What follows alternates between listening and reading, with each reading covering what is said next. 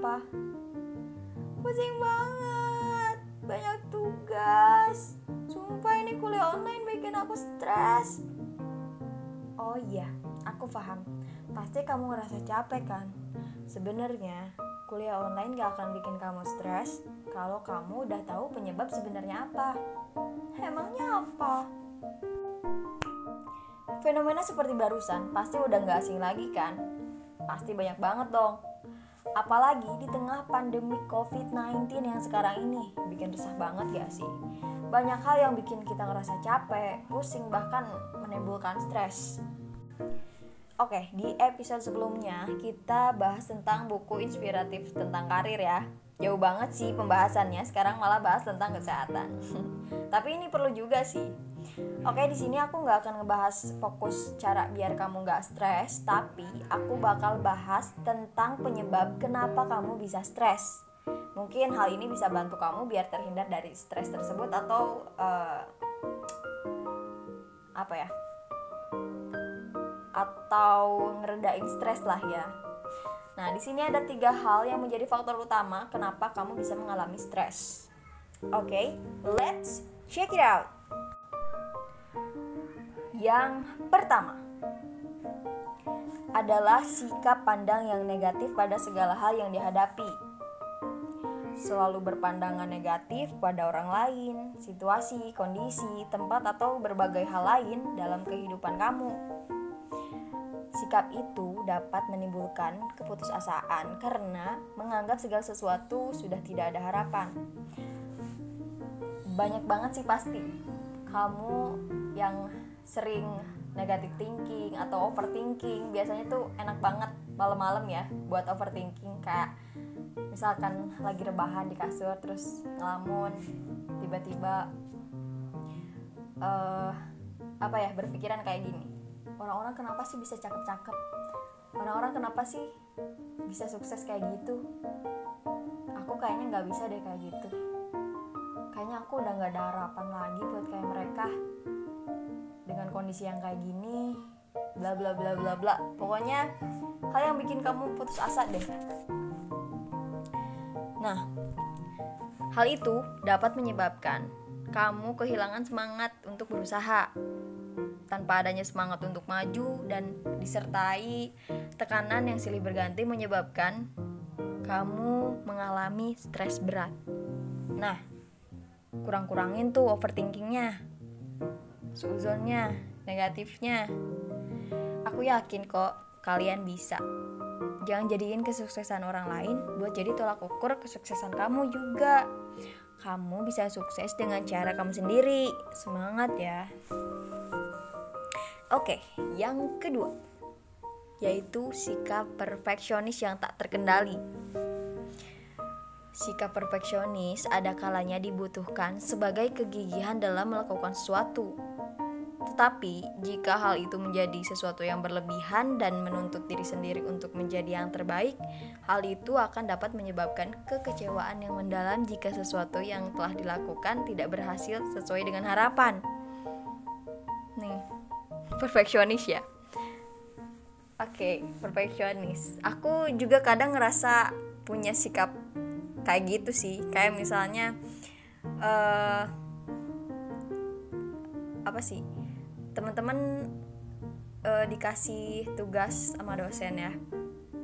Kita udah dikasih tugas sama dosen terus ya teman-teman udah pada ngerjain tugas udah submit udah turn in udah segala macam udah dikerjain udah dikirim via WA group. Nah di situ kan aku bisa ngeliat tuh tugas mereka. Nah tugas mereka itu sering dijadiin tolak ukur buat tugas aku juga. Jadi kayak misalnya oh tugas itu mah kayak gini oh tugas ini mah kayak gini. Kayaknya kurang deh. Kok yang kayak kok uh, tugas mereka gini sih? Sehingga hal itu jadi apa ya dijadiin buat tolak ukur ngerjain aku tugas juga gitu. Uh, pokoknya aku harus bisa ngerjain tugas lebih dari mereka. Harus lebih bagus dari mereka. Harus paling sempurna. Sampai kayak gitu.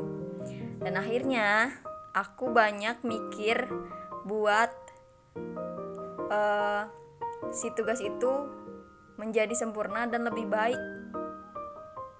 Ya, padahal aku sendiri bingung cara ngerjain tugasnya itu kayak gimana. Karena terlalu fokus sama hasil, tidak fokus sama proses yang aku kerjain. Nah, hal itu malah bikin aku ya pusing, stres karena hal sikap perfeksionis tadi hal itu nggak baik banget sih jadi tiap orang bisa ngelakuin hal yang terbaik sesuai kemampuannya bukan paling baik di luar kemampuannya. Sikap itu dapat menimbulkan ketegangan di dalam benak setiap orang karena tidak ada titik puas untuk mencapai sesuatu dengan ketenangan. Sehingga hal seperti itu dapat menyebabkan stres yang berat. Ya jadi lakuin aja hal yang memungkinkan yang realistis yang benar-benar bisa kamu capai sesuai kemampuan kamu. Jangan menuntut diri. Capek loh. Oke yang ketiga. Yaitu sikap yang berlebihan dalam menganalisis sesuatu. Hal ini dapat terjadi pada orang yang memiliki pekerjaan dengan pemikiran berat tuntutan pada pekerjaan agar sempurna dengan ketelitian, ketepatan, serta kecepatan dalam mengerjakan dapat menjadikan hal itu sebagai suatu beban yang sangat berat. Beban yang harus dialami setiap harinya dengan porsi yang relatif sama besar akan menyebabkan stres. Kayak misalkan teman-teman yang sekarang nih pejuang skripsi pasti capek banget gak sih? Butuh banget penelitian yang mendalam, ekstra banget mikir, banyak banget pasti banyak banget nih yang orang-orang yang rela begadang juga supaya penelitiannya selesai pada waktu yang ditargetkan. Sumpah itu nggak sehat banget. Apalagi kalau sampai lupa lupa makan. Pokoknya hal lakuin hal yang sewajarnya aja sesuai kemampuan kamu. Kalau perlu istirahat istirahat dulu. Gitu.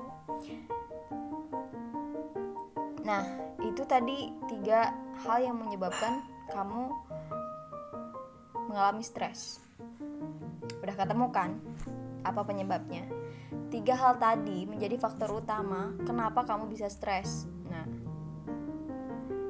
untuk solusinya, langkah awal untuk mengatasinya adalah membagi beban itu dengan orang lain, berbagi dengan bercerita pada orang-orang terdekat, ayah, dengan ibu, saudara, sahabat, atau rekan-rekan yang lainnya.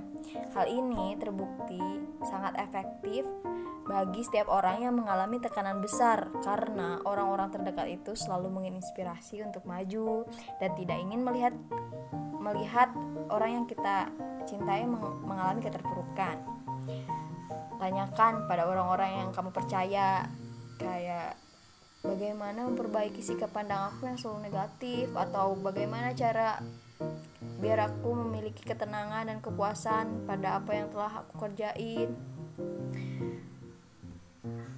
Dan gimana cara biar aku nggak tertekan pada pekerjaan yang berat.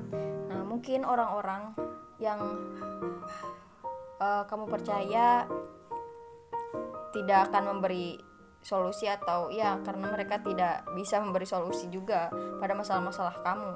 Tapi mereka bisa memberikan motivasi dan inspirasi dengan sepenuh hati. Inspirasi-inspirasi yang datang dari orang terdekat itu dapat menimbulkan keyakinan bahwa segala sesuatu dapat diatasi dengan baik serta dapat menciptakan ketenangan dalam menghadapi tekanan-tekanan itu keyakinan dan ketenangan adalah kunci utama bagi setiap orang untuk menghindari stres. Sebagai wujud komitmen dari inspirasi orang-orang terdekat, selalu ingatkan diri sendiri untuk dapat memiliki keyakinan dan ketenangan dalam menghadapi masalah-masalah yang muncul akan selalu ada orang-orang tercinta yang menguatkan dan memotivasi kita untuk selalu berjuang. Namun, perjuangan tetap ada pada diri sendiri dan harus dihadapi. Setiap orang pasti dapat um, mengingat inspirasi-inspirasi dalam bentuk tulisan atau gambar ataupun media lain dalam agenda utamanya agar selalu teringat dan terdorong untuk melakukannya. Agenda itu dapat selalu memacu setiap orang dalam mengatasi stres berat yang sedang dihadapinya. Nah, jadi untuk solusinya udah tahu kan? Bisa kamu dapetin sendiri setelah kamu bercerita ke orang-orang yang kamu percayai. Atau mungkin jika perlu kamu bisa menghubungi konselor, psikolog, atau psikiater. Nah, oke, okay. mungkin itu aja ya teman-teman yang bisa aku sampaikan. Buat kamu yang sekarang ngerasa berada di posisi terendah atau sedang down dan itu bikin kamu stres. Yuk semangat yuk. Kamu bisa melakukan hal terbaik versi diri kamu sendiri. Oke okay? bye. See you on my next podcast. Bye